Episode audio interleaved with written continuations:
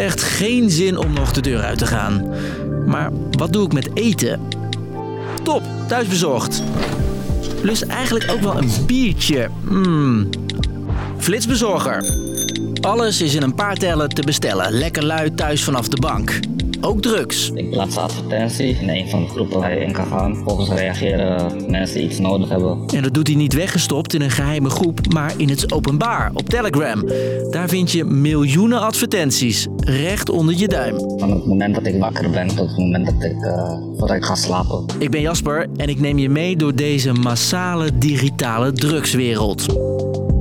Lang verhaal kort. Een podcast van NOS op 3 en 3FM. Voor ik begin, mocht je nu denken, Telegram? Ik pak even mijn telefoon erbij en open een soort WhatsApp. Telegram. Het komt oorspronkelijk uit Rusland en in Nederland hebben zo'n 1,7 miljoen mensen de app gedownload. En handig, anders dan bij WhatsApp kan niemand je telefoonnummer zien. Het voelt dus best wel anoniem.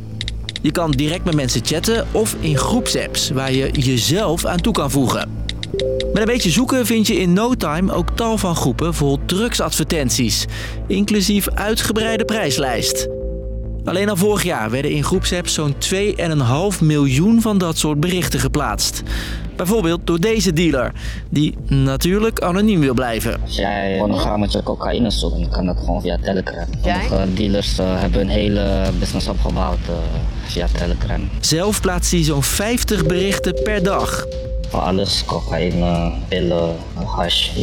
Collega's van mij hebben heel veel van die advertenties bekeken. En wat opviel, overal in Nederland, van Limburg tot aan de Waddeneilanden, claimen dealers dat ze je drugs kunnen bezorgen. Zoek je iets in Utrecht, dan zoek je gewoon een dealer met 030 in zijn naam. Een berichtje sturen en. Ja, super laagdrempelig dus. Sommige dealers handelen niet in een paar pillen, maar in kilo's. En grote hoeveelheden, die ze dan weer doorverkopen aan kleinere dealers. Ze zeggen dat ze zo duizenden euro's per maand verdienen.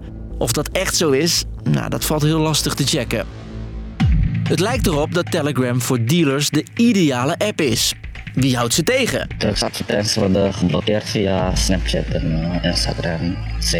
Telegram wordt, wordt niet geblokkeerd. Telegram zelf zegt dat ze wel modereren, maar daar lijken de meeste dealers weinig van te merken.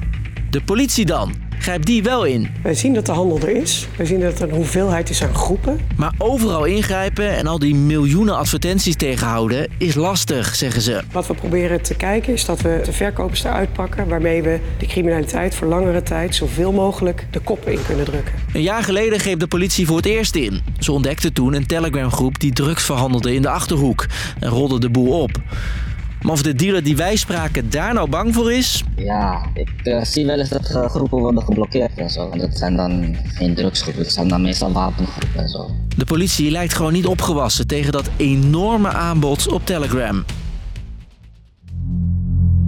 Dat dit zo massaal gebeurt, op een plek waar iedereen het makkelijk kan zien, dat is best wel gek, toch?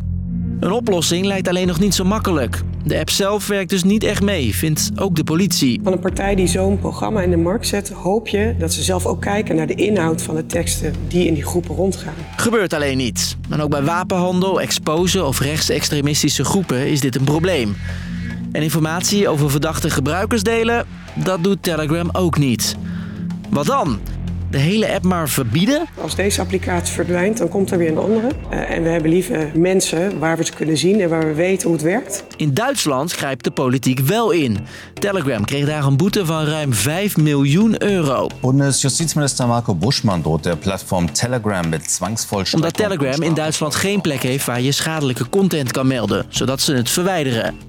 Ook komen er binnenkort strengere Europese regels die ervoor moeten zorgen dat techbedrijven vaker zelf ingrijpen.